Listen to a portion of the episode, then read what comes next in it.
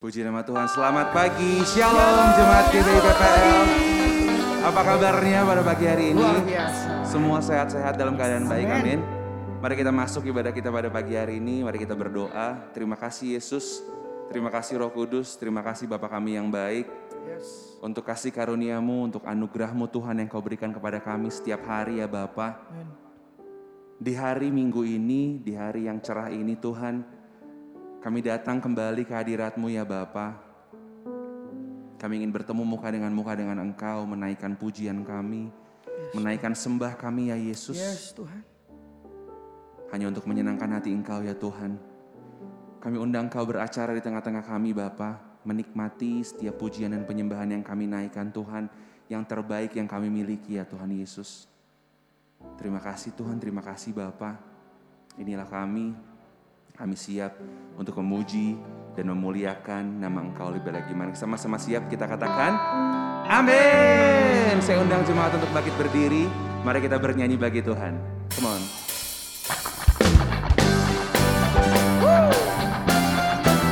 Biarlah langit bumi memuji nama Tuhan. Sebab hanya dialah yang layak kita tinggikan. Oh!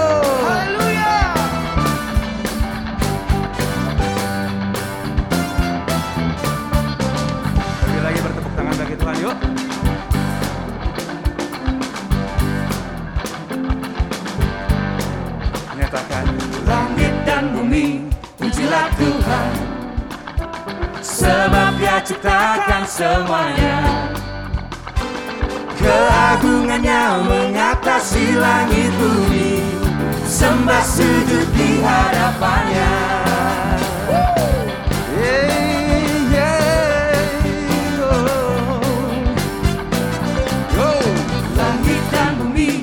Langit Sebab dia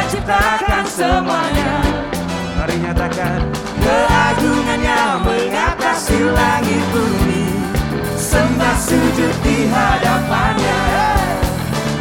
Ku puji, ku sembah, ku puji, ku sembah Yesus Kristus Sang Penebusku Ku puji, ku sembah, ku puji, ku sembah Yesus Tuhan dan Rajaku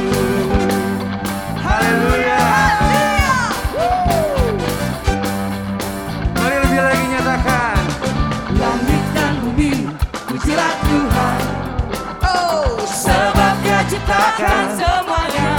Come on everybody sing. Keagungannya mengatasi langit bumi. Sembah sujud di hadapannya. Come on. Ku puji, ku sembah, ku puji, ku sembah Yesus Kristus Sang Penebusku Ku puji, ku sembah, ku puji, ku sembah Yesus Tuhan dan Raja Ku puji Ku puji, ku sembah, ku puji, ku sembah Yesus Kristus Sang Penebus Oh. Ku puji, ku sembah, ku puji, ku sembah Yesus Tuhan dan Sekali lagi katakan ku puji Ku puji, ku sembah, ku puji, ku sembah Yesus Kristus sembah, ku puji, ku sembah Yesus Tuhan dan Rajaku.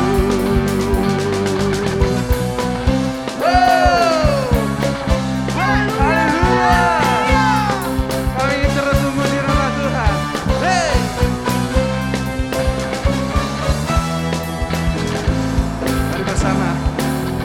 Kami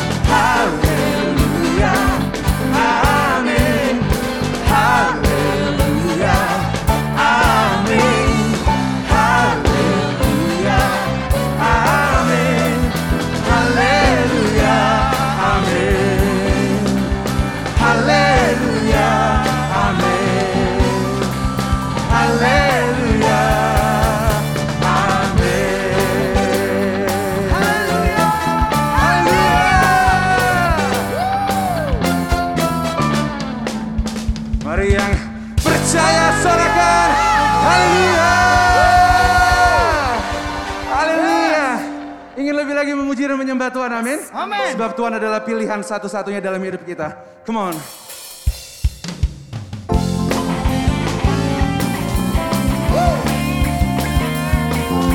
Kau Tuhan yang mulia turun untuk menyelamatkan hidup kami Tuhan. Woo.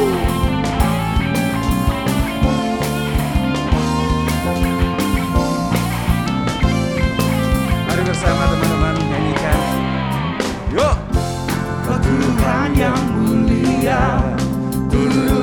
dunia ku tebus segala dosa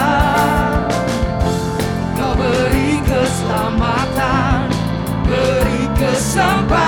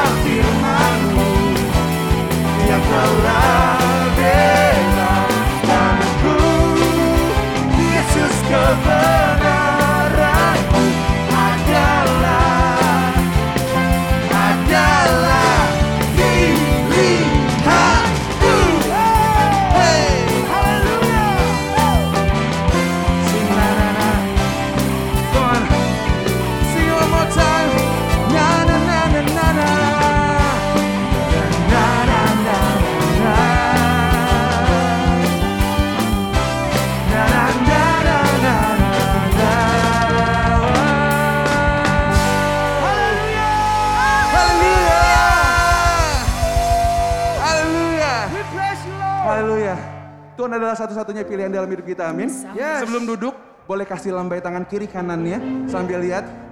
Kita nggak bisa senyum ya, kita paling angguk-angguk aja. Silakan duduk ke badan ibu. Yes. Sebentar kita akan mendengarkan firman Tuhan. Kita akan belajar satu lagu baru, Bapak dan Ibu. Di lagu ini berkata bahwa kekuatan dalam hidup kita hanya daripada Tuhan. Yes. Amin. Akui saja setiap apa kelemahan yang ada dalam diri kita, maka Tuhan akan turun untuk menolong kita. Amin. Yes. Yes, Jesus. Inilah pernyataan hati kami ya Bapa. Yes, Jesus.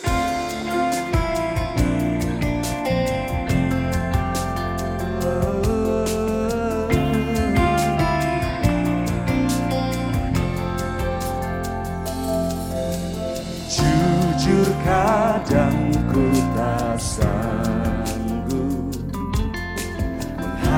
Menghadapi semua bebanku. Menantikan jawaban. Menolak untuk menyerah. Ku tahu kau Tuhan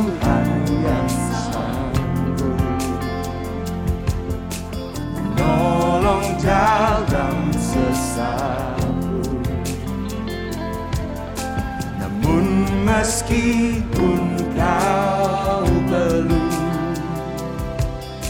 Ku kan tetap menyembahmu. Ku kan bernyanyi Sampai jiwaku percaya Sampai hatiku mendengar pengharapan Ku kan berserah. Ku tahu aku tak sendiri. Ku yakin kau mengasihiku. Bahkan di dalam apiku akan menyembahmu.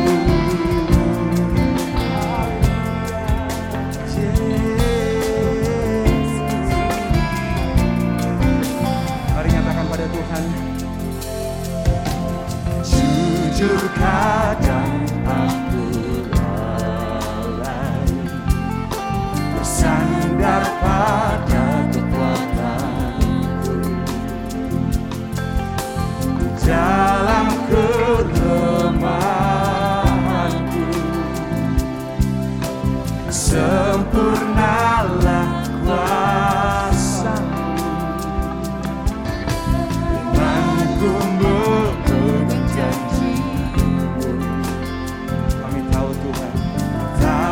Engkau selalu bersamaku. Mari nyatakan.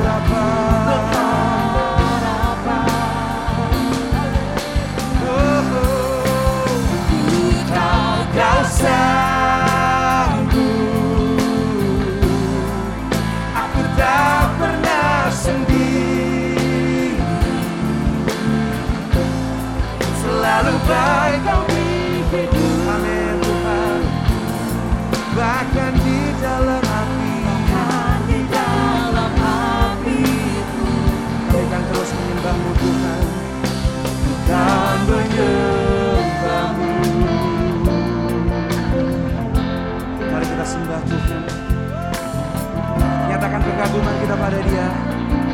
Oh, Yesus Tuhan. Kami tahu hanya engkau yang sanggup Mengubahkan hidup kami Tuhan.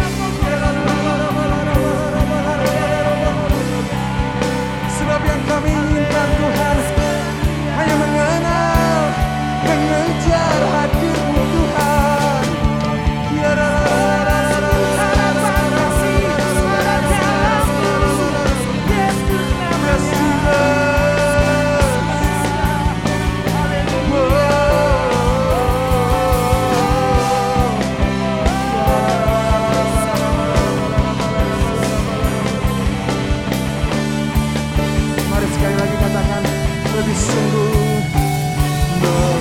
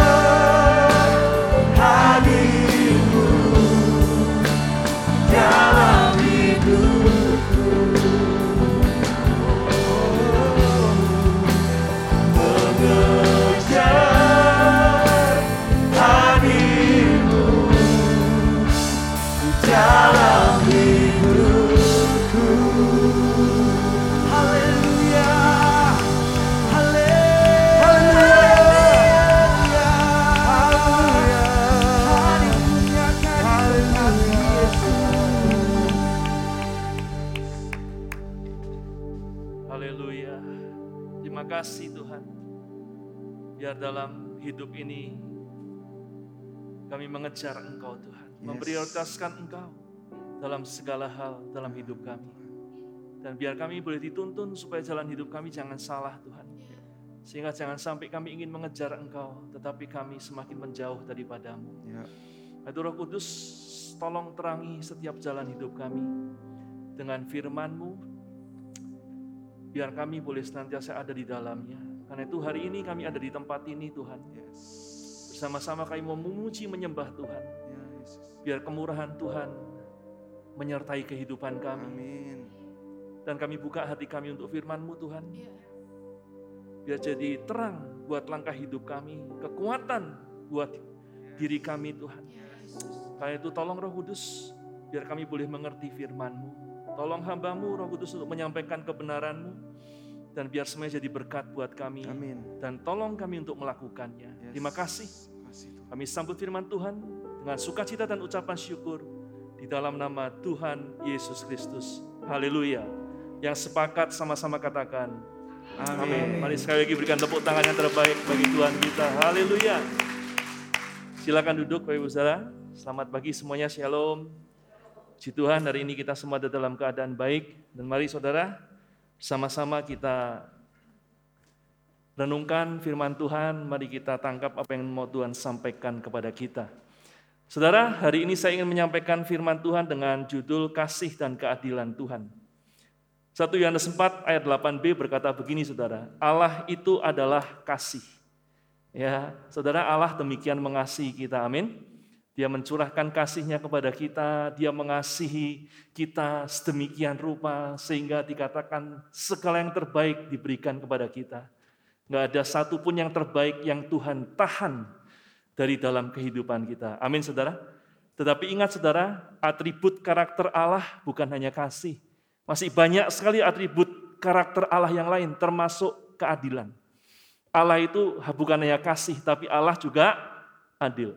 Nah saudara, kasih dan terutama keadilan Tuhan itu akan tampak dalam hukum tabur tuai, saudara. Apa yang selama ini kita sebut sebagai hukum tabur tuai. Yang akan menyertai kehidupan kita akibat dari hubungan kita dengan Tuhan dan dengan sesama, saudara. Ya, dan karena itu hari ini saya ingin mengajak kita untuk merenungkan hal itu kembali dengan kita melihat kisah tentang Mephiboset, saudara. Ya, Mephiboset itu anaknya Yonatan, anaknya Saul, cucunya Saul, saudara ya.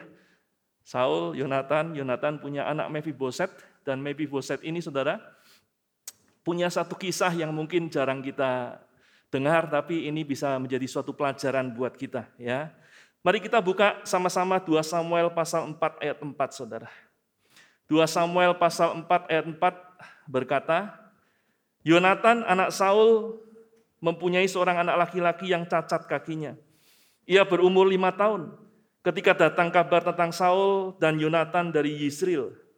Inang pengasuhnya, ya yang namanya Siba, saudara, mengangkat dia pada waktu itu, lalu lari. Tetapi karena terburu-buru larinya, anak itu jatuh dan menjadi timpang. Ia bernama Mephiboset. Saudara, dikatakan dari ayat tersebut bahwa Yonatan punya anak namanya Mephiboset. Dan Mephiboset ini punya inang pengasuh namanya Siba, saudara. Dan suatu saat waktu waktu Mephiboset berumur lima tahun dikatakan Siba menerima kabar tentang Saul dan Yonatan dari Yisrael. Dan kabar ini adalah kabar tentang bagaimana Israel kalah dari Filistin dalam peperangan sehingga Saul dan Yonatan terbunuh saat itu saudara. Dan waktu Siba mendengar bahwa Saul dan Yonatan terbunuh, dikatakan dia segera mengangkat Mephiboset dan lalu segera, lalu segera, segera lari saudara. Tetapi karena terburu-buru larinya, Mephiboset anak itu terjatuh sehingga kedua kakinya menjadi timpang. Saudara, pertanyaannya adalah kenapa saudara Siba pengasuh Mephiboset pada waktu mendengar Daud, eh, maaf, Saul dan Yonatan terbunuh, dia segera lari, saudara. Kita tahu bahwa Saul berusaha membunuh Daud, saudara, betul? Saul melakukan yang jahat sama Daud, ya. Dan ini semua orang juga tahu, saudara, ya. Dan saudara, karena itu pada waktu Saul terbunuh, saudara, maka dalam pikiran Ziba, dia khawatir Daud akan membalaskan dendam atas perlakuan Saul selama ini kepada dia. Dan kalau dia Daud membalas dendam, pasti salah satunya yang disasar adalah Mephiboset. Karena itu waktu Siba, inang pengasuhnya Mephiboset mendengar Saul meninggal, saudara, maka dia segera lari karena dia ketakutan, karena dia menyangka Daud akan membalas dendam dan melukai Mephiboset. Nah saudara, tetapi ternyata Daud nggak berniat untuk membunuh Mephiboset, saudara. Ya, dari mana kita tahu? Dalam 2 Samuel pasal 9 ayat 1 sampai 3, saudara, firman Tuhan berkata begini. Berkatalah, ya, Daud, masih adakah yang tinggal dari keluarga Saul? Maka aku akan menunjukkan kasihku kepadanya oleh karena Yonatan. Ya, bukannya mau bunuh tapi mau menunjukkan kasih. Adapun keluarga Saul mempunyai seorang hamba yang bernama Ziba. Ia dipanggil menghadap Daud, lalu raja bertanya kepadanya, "Engkaukah Ziba?" Jawabnya, "Hamba tuanku." Kemudian berkatalah raja, "Tidak adakah lagi orang yang tinggal dari keluarga Saul? Aku hendak menunjukkan kepadanya kasih yang dari Allah." Ya, luar biasa Saudara ya. Lalu berkatalah Ziba kepada raja, "Masih ada seorang anak laki-laki Yonatan yang cacat kakinya, yaitu siapa? Mephiboset. Jadi dari hal ini kita tahu saudara, pikiran Ziba, Daud pasti akan bunuh Mephiboset, membalaskan dendamnya karena perbuatan jahat Saul kepada dia.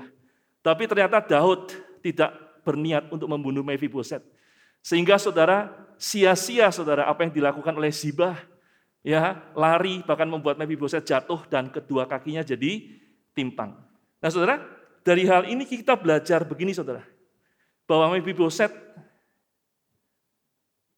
mengalami hukum tabur tuai itu. Ya, kita tahu Saul berusaha melakukan yang jahat kepada Daud, saudara.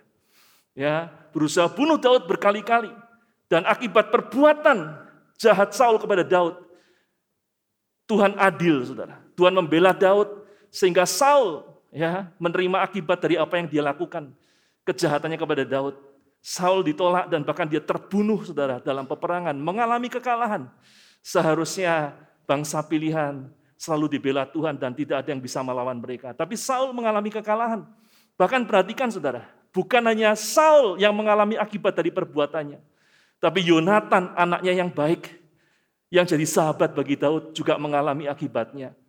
Yonatan juga terbunuh. Bahkan bukan hanya Yonatan, cucunya juga mengalami akibat Gara-gara apa yang dilakukan Saul, saudara, maka Siba jadi ketakutan. ya Dan akhirnya karena hal itulah Mephiboset terjatuh dan kedua kakinya jadi timpang. Padahal Mephiboset enggak timpang kakinya, saudara. Dan kenapa hal itu terjadi? Penyebabnya adalah apa yang jahat dilakukan oleh Saul kepada Daud. Dari hal ini kita melihat bahwa setiap perbuatan jahat kepada orang lain pasti akan menimbulkan akibat buat orang yang melakukannya. Bahkan sayangnya saudara, kasihannya adalah bukan hanya sering kali bukan hanya orang tersebut yang melakukan yang kena akibatnya. Firman Tuhan berkata ada dosa-dosa tertentu ya yang jahat di hadapan Tuhan sehingga Tuhan akan membalaskan dosa itu bahkan sampai keturunan ketiga dan keempat. Karena itu hati-hati saudara. Ya, kita mungkin nggak membunuh orang lain, kita nggak pernah bunuh orang, tapi jangan bunuh jalan hidup orang lain. Itu juga sama jahatnya. Jangan matikan jalan hidup orang lain dengan kejahatan kita, dengan segala tipu daya kita. Jangan matikan jalan berkat orang lain, ya. Meskipun kita nggak bunuh orang itu, tapi itu sama jahatnya, ya di hadapan Tuhan. Jangan bunuh kesempatan-kesempatan yang didapat orang lain hanya karena kita iri hati, hanya kita karena hanya karena kita nggak suka. Jangan bunuh kesempatan-kesempatan yang Tuhan berikan pada seseorang, saudara. Hanya karena kita mungkin dengki dan lain sebagainya. Karena untuk semua itu Tuhan akan melakukan, Tuhan akan menegakkan keadilannya. Seperti apa yang dialami oleh Saul, saudara. Dan kasihannya adalah bukan hanya Saul yang menerima akibatnya, tapi juga Yonatan dan Mephiboset cucunya, saudara. Tapi bersyukur Yonatan melakukan yang baik kepada Daud, saudara. Ya, sepanjang hidupnya Yonatan dan Daud, saudara, bersahabat dan Yonatan berbuat baik kepada Daud. Dan karena kasih Yonatan kepada Daud, itu semua diperhitungkan oleh Tuhan. Sehingga saudara, meskipun Mephiboset harus menuai berkat, ya, harus menuai maaf, harus menuai apa yang enggak baik dari apa yang Saul lakukan. Tapi karena apa yang baik yang ditabur oleh Yonatan, saudara, maka Mephiboset menerima keselamatan. Amin saudara. Dia harusnya dibunuh. Zaman dulu saudara kalau ada orang berkuasa dia akan cari kira-kira yang berpotensi untuk mengganggu dia, untuk menjatuhkan dia siapa. Ya, dia akan cari musuhnya dan keluarga musuhnya untuk dihabisi saudara supaya posisinya aman. Karena itulah Siba ketakutan karena dia menyangka Daud begitu. Tapi ternyata Daud tidak melakukan. Kenapa saudara? Karena Yonatan menabur yang baik dalam kehidupan Daud. Karena itu saudara, dari hal ini kita belajar. Ya, Tuhan baik memang, tapi ingat, Tuhan bukan hanya baik, tapi Tuhan juga adil. Kebaikan Tuhan akan dilakukan, tapi keadilan Tuhan juga Tuhan akan tegakkan dalam kehidupan kita. Amin, saudara. Ya, karena itu saudara, kita juga harus belajar dari kisah Mephiboset ini bahwa ternyata perbuatan baik dan buruk nggak bisa dikompensasi, saudara. Ya, setiap perbuatan baik kita pasti akan menerima upahnya. Tapi ingat, kalau ada perbuatan-perbuatan kita yang jahat yang sudah keterlaluan di hadapan Tuhan, Tuhan juga akan berperkara kepada kita. Ya, nggak bisa dikompensasi. Saya berbuat jahat berapa sih? Lalu kebaikan saya berapa? Diukur dah, dipotong. Nggak bisa, saudara. Ya, Mephiboset Kasihan saudara, karena apa yang ditabur oleh Saul, dia harusnya kakinya nggak timpang, tapi dia kakinya jadi timpang. Karena itu saudara, mari dalam hidup ini tabur yang baik, jangan tabur yang jahat. Amin saudara. Kalau kita menabur yang baik, kita akan menuai upah yang baik. Bahkan anak cucu kita juga akan menerima upah yang baik dari apa yang baik yang kita tabur. Tapi kalau kita menabur yang jahat, saudara, sering kali kasihannya adalah bukan hanya kita yang akan menuai apa yang jahat, upah yang jahat itu, tapi anak cucu kita juga akan kena akibatnya. Dan saya berdoa, nggak ada satupun di antara kita yang nggak pernah yang nggak pernah melakukan apa yang nggak baik. Terutama waktu kita masih belum di dalam Tuhan, betul? Ya, saya berdoa, mari kita semua berdoa, Tuhan kalau ada yang jahat yang saya lakukan, sengaja maupun di luar kesadaran saya, ampuni Tuhan. Dan mulai hari ini mari kita jaga sungguh-sungguh langkah hidup kita. Kita mungkin nggak pernah bunuh orang, tapi ingat, jangan matikan jalan hidup seseorang. Jangan matikan jalan hidup orang lain, saudara. Amin. Ya. Yang kedua, saudara, dari kisah tersebut kita mau saya mau ajak untuk kita lihat ya apa yang terjadi selanjutnya.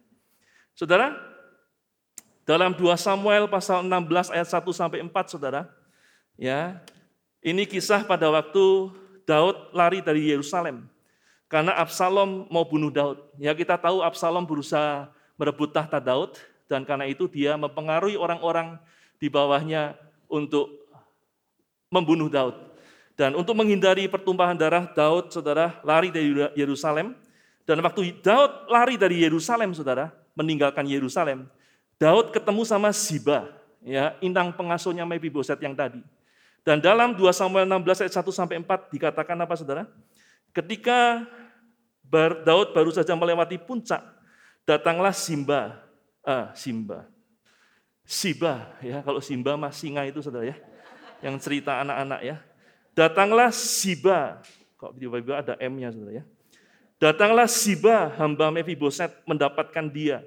Membawa sepasang keledai yang berpelana dengan muatan 200 ketul roti, 100 buah kue kismis, 100 buah-buahan musim panas, dan sebuyung anggur.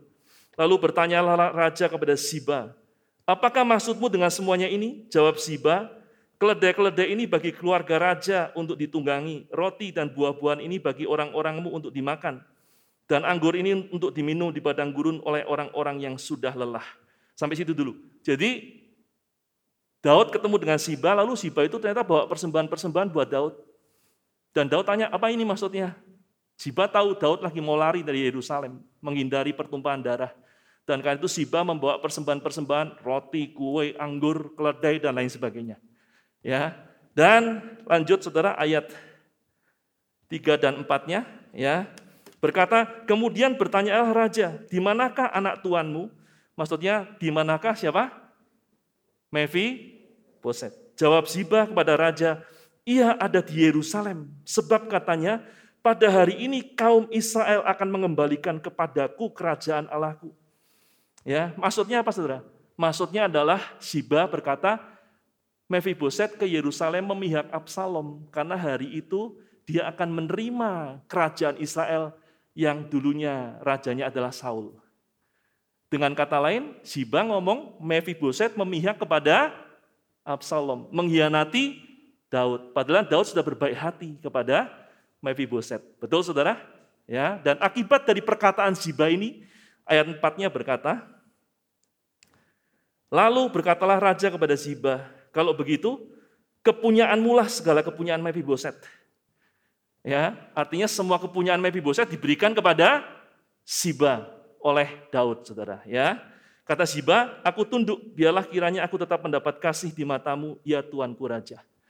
Karena Daud percaya dengan apa yang dikatakan oleh Ziba, saudara, bahwa Mephiboset mengkhianati dia, Daud marah dan karena itu dia berkata, kalau gitu semua hartanya Mephiboset oleh kuasaku sebagai raja kata Daud aku berikan kepadamu, kepada Siba. Ya.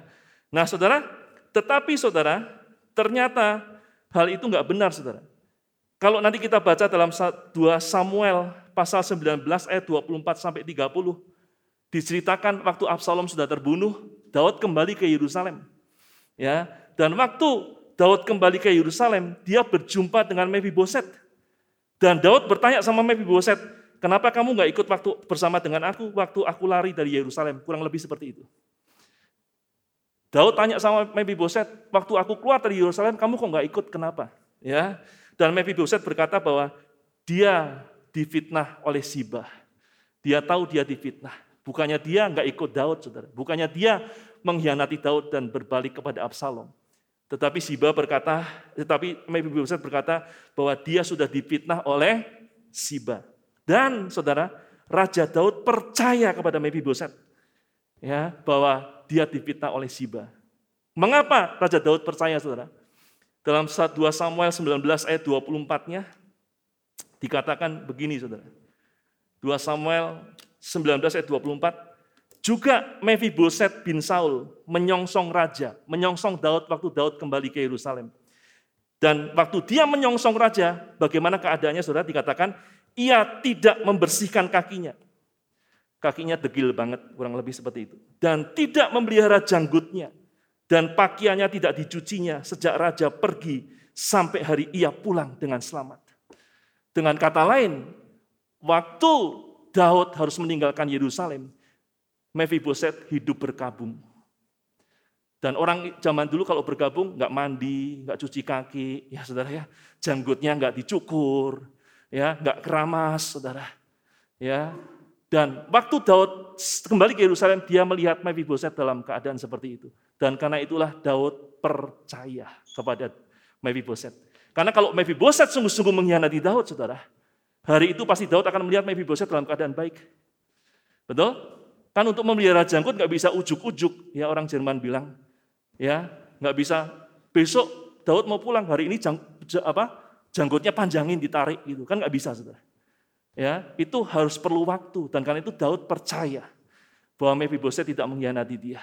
Mephiboset berkabung sejak Daud harus meninggalkan Yerusalem. Karena itu hari itu waktu Daud masuk ke Yerusalem, Mephiboset dalam keadaan seperti itu. Dan saudara, Akibat Raja Daud tahu bahwa Mephiboset difitnah. Apa yang terjadi, saudara? Tetapi dalam 2 Samuel 19 ayat 29 sampai 30, tetapi raja berkata kepadanya, "Apa gunanya engkau berkata-kata lagi tentang halmu? Aku telah memutuskan engkau dan Siba harus berbagi ladang itu." Saudara perhatikan, tadi di ayat sebelumnya Daud berkata kepada Siba, "Mulai hari ini semua hartanya Mephiboset jadi milikmu." Tapi waktu Daud tahu bahwa Mephiboset difitnah oleh Siba, Daud memang memilih untuk tidak membatalkan apa yang dia katakan, tapi Daud meralat, saudara. Dikatakan apa? Aku telah memutuskan engkau dan Siba harus berbagi ladang itu. Artinya tadinya semua ladang dikasihkan ke Siba, tapi hari itu diralat sama Daud. Jadi dikembalikan kepada Mephiboset meskipun setengahnya. Meskipun harus berbagi dengan Siba. Artinya apa? Daud sungguh-sungguh tahu Mephiboset tidak mengkhianati dia. Dan Mephiboset difitnah oleh Sibah. Tuhan kasih dan adil. Tuhan tidak bisa dibohongi, saudara. Amin. Ya, lalu saudara yang luar biasa jawaban Mephiboset. Lalu berkatalah Mephiboset kepada raja, biarlah ia mengambil semuanya, sebab tuanku raja sudah pulang dengan selamat. Luar biasa enggak? Buat Mephiboset, enggak apa-apalah. Siba mau ambil kekayaanku, hartaku. Buat aku yang penting raja sudah kembali dengan selamat. Hal itu menunjukkan bahwa Mephiboset mengasihi Daud sungguh-sungguh, saudara. Amin. Dia nggak berusaha, ayo dong kembalikan yang milik aku dong, Daud. Kamu kan udah salah mengira aku berkhianat. Jadi kamu kasih hartaku sama Ziba. Mephiboset nggak seperti itu. Mephiboset berkata, nggak apa-apa lah Tuhan. Yang penting Tuhan sudah kembali dengan selamat. Haleluya. Amin saudara. Ya, dan saudara, karena hal itu Daud sangat mengasihi Mephiboset. Ya, dan sekali lagi Daud melindungi Mephiboset, saudara. Sehingga saat harusnya dia diserahkan kepada orang Gibeon, saudara, untuk dibunuh, ya. Saudara, ini kalau kita baca, saudara, dalam 2 Samuel 21 mulai ayat pertama, dikatakan Israel itu mengalami kelaparan tiga tahun berturut-turut, saudara. Ya, dan Daud bertanya sama Tuhan, ya, mengapa Israel mengalami seperti itu? Sampai tiga tahun berturut-turut mengalami kelaparan, mengalami kekeringan. Dan Tuhan menjawab doa Daud dan dia berkata, karena ada hutang darah dari Saul atas orang-orang Gibeon. Pernah terjadi Samuel membinasakan orang-orang Gibeon, saudara. Dan karena hal itu ada hutang darah yang melekat ya dalam diri Saul atas orang-orang orang-orang Gibeon, saudara. Dan itulah yang membuat dosa Saul, itulah yang membuat Israel mengalami kelaparan sampai tiga tahun berturut, turut, saudara. Ya, dan lalu saudara, kalau kita baca dalam 2 Samuel pasal 21, ya ayat 6 dan 7, Daud memanggil orang-orang Gibeon, keturunan Gibeon, saudara.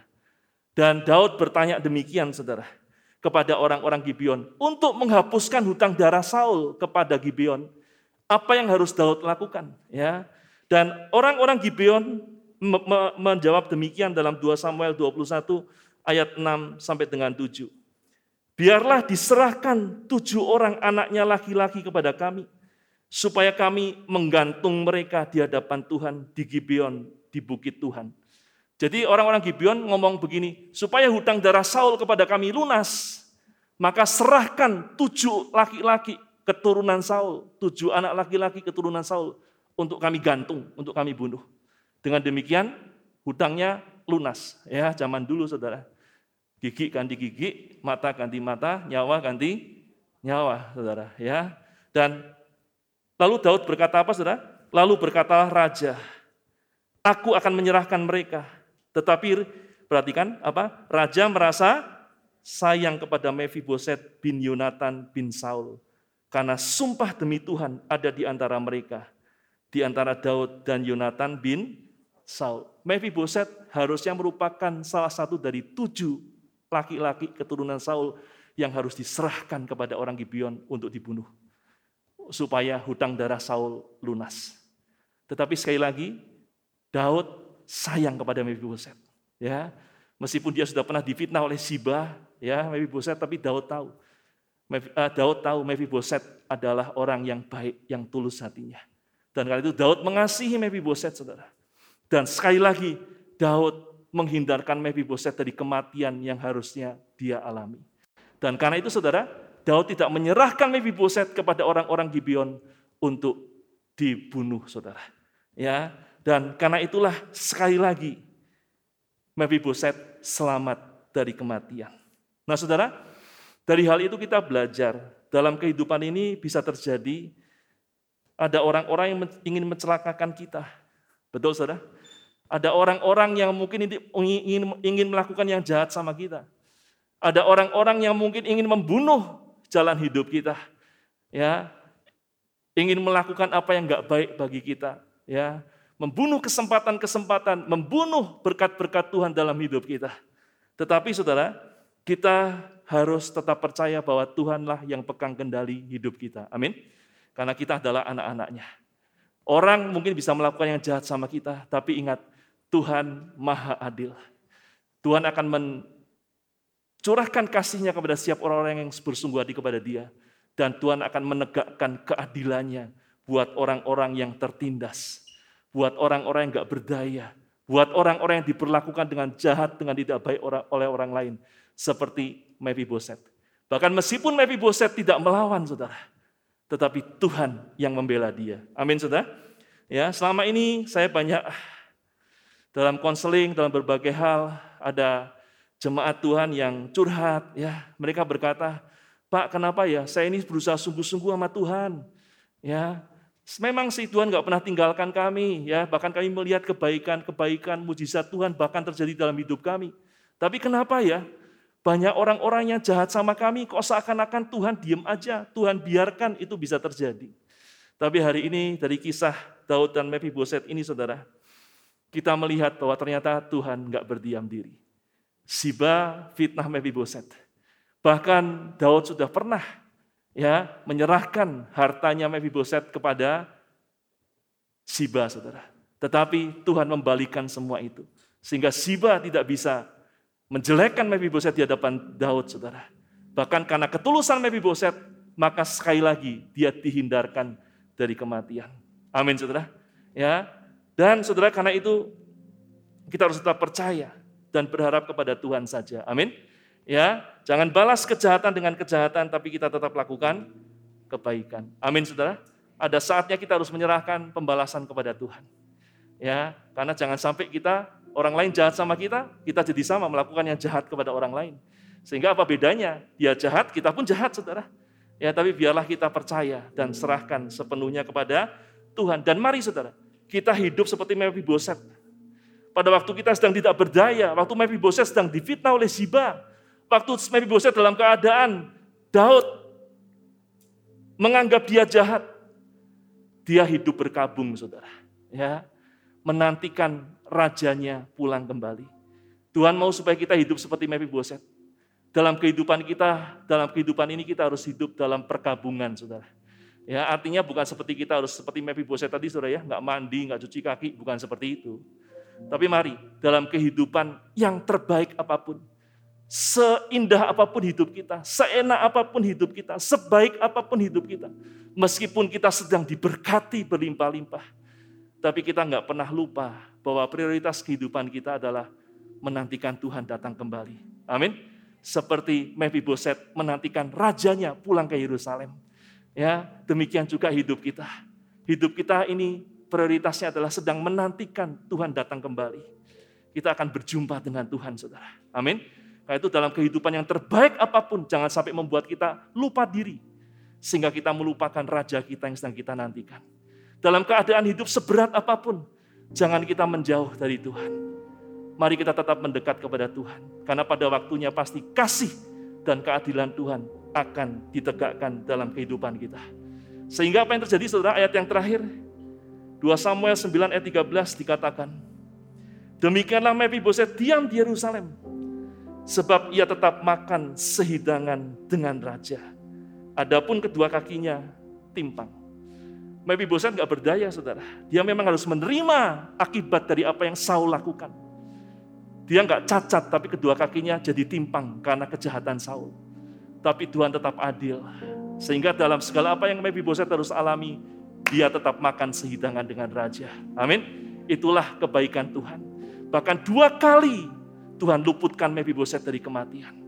Ya, karena itu dari hal ini kita belajar supaya kita berhati-hati dalam melakukan apa pun yang kita mau lakukan dalam kehidupan ini. Karena ingat, Tuhan selalu menjaga kasih dan keadilannya. Tuhan akan memberikan keadilannya kepada orang-orang yang ditindas, diperlakukan tidak adil. Dan Tuhan akan membalaskan setiap perbuatan yang belat-belit, yang bengkok. Ya, bahkan bisa-bisa yang menanggung akibatnya bukan hanya kita, tetapi juga anak cucu kita. Karena itu kita jangan berlaku seperti itu. Tapi kalau ada orang-orang yang sedang melakukannya kepada kita, mari kita tetap percaya kepada Tuhan. Kasih dan keadilan Tuhan pasti akan ditegakkan. Amin. Dan lakukan yang baik dengan tulus dan jujur. Supaya kita mendapatkan kebaikan dan kemurahan Tuhan. Hidup gak selalu mudah, saudara. Biarlah ketulusan hati kita, kejujuran hidup kita, mendatangkan kemurahan Tuhan bagi kita. Waktu kita sedang menghadapi saat-saat yang gak mudah. Amin. Sehingga kita bisa hidup dengan tetap menikmati kebaikan dan kemurahan Tuhan. Dan itulah doa saya buat kita semua.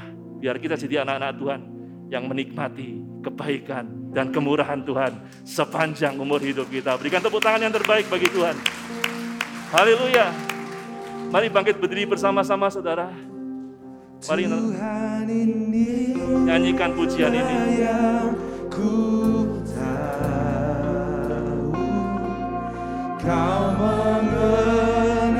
hatiku. Amin. Jauh melebihi semua. Terdekat sekalipun. Tuhan inilah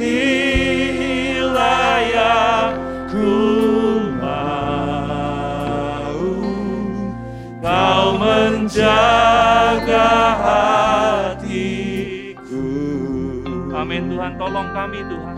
Supaya Untuk hidup dengan tulus dan jujur memancar senantiasa.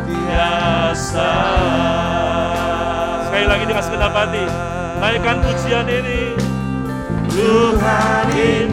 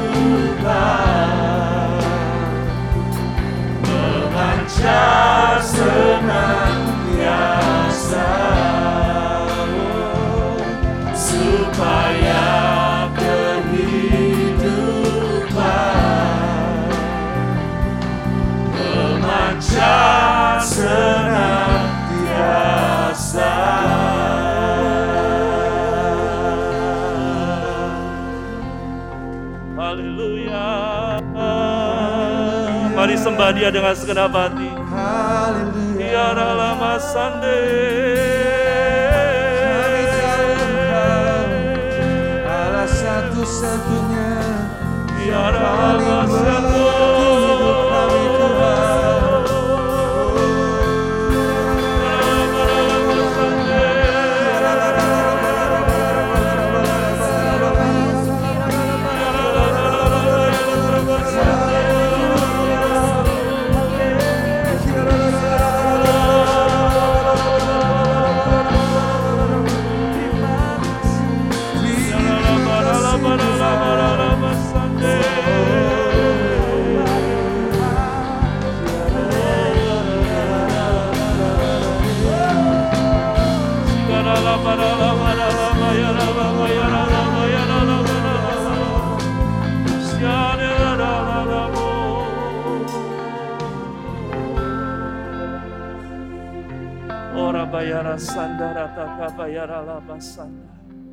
Kiara rabata rabata. Kiara.